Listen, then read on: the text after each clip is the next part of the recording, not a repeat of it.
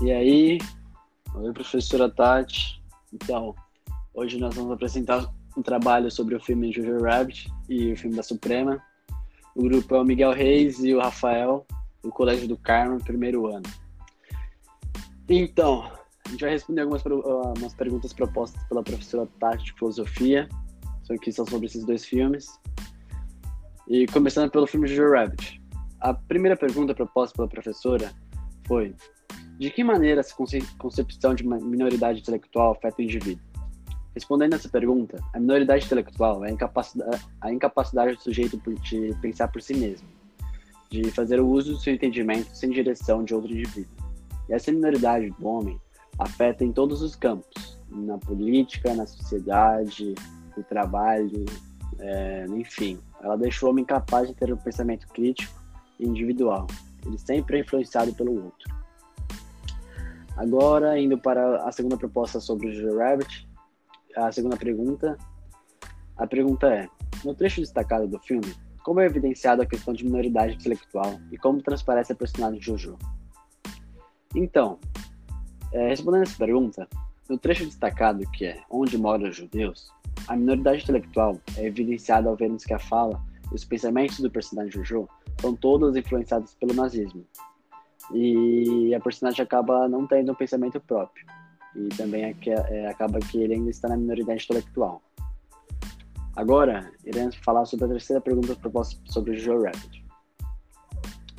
Então, a pergunta é: apresente as condições para que o menino Jojo saia da minoridade intelectual e vá para a maioridade intelectual e alcance dessa maneira a autonomia. Então, as condições para que o menino saia da minoridade e vá para a maioridade podem ser algumas como ele começar a ter um pensamento crítico em relação a algumas ideias que ele tem, ter ideias próprias e não influenciadas pelo nazismo e várias outras maneiras. E é isso. Agora eu vou passar a fala para o Rafael, que vai falar sobre o filme da Suprema. Bom dia, Tati. Bom dia, turma. Hoje eu vou falar sobre o filme da Suprema.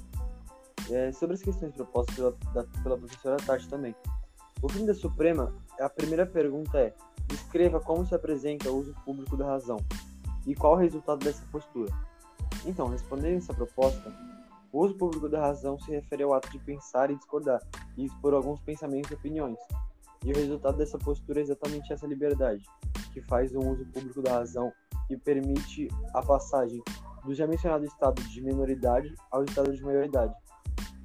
Agora falando sobre a segunda pergunta do filme, a pergunta é: qual é o caminho usado por Ruth Bader Ginsburg para alcançar a liberdade? É, respondendo essa pergunta, a Ruth, que foi a mulher, a, foi uma mulher formada em direito na melhor universidade do mundo, e batalhou pelos direitos das mulheres, conseguiu a liberdade intelectual ao ser uma mulher que atacar os Estados Unidos como uma instituição política e pública.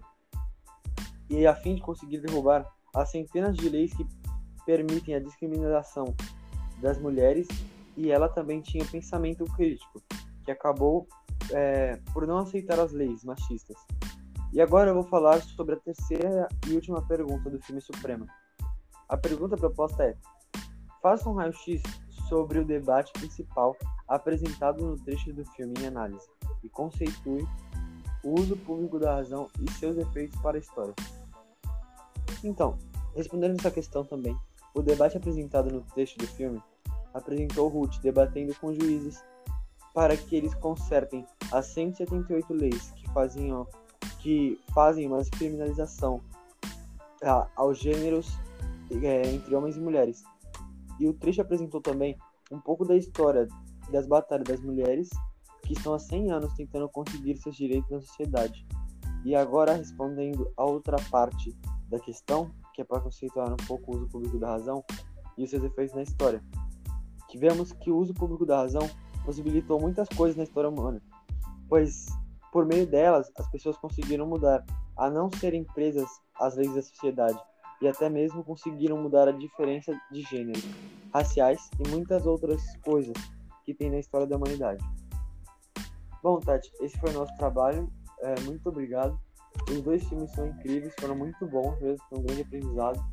E eu queria só agradecer. Obrigado. Muito obrigado.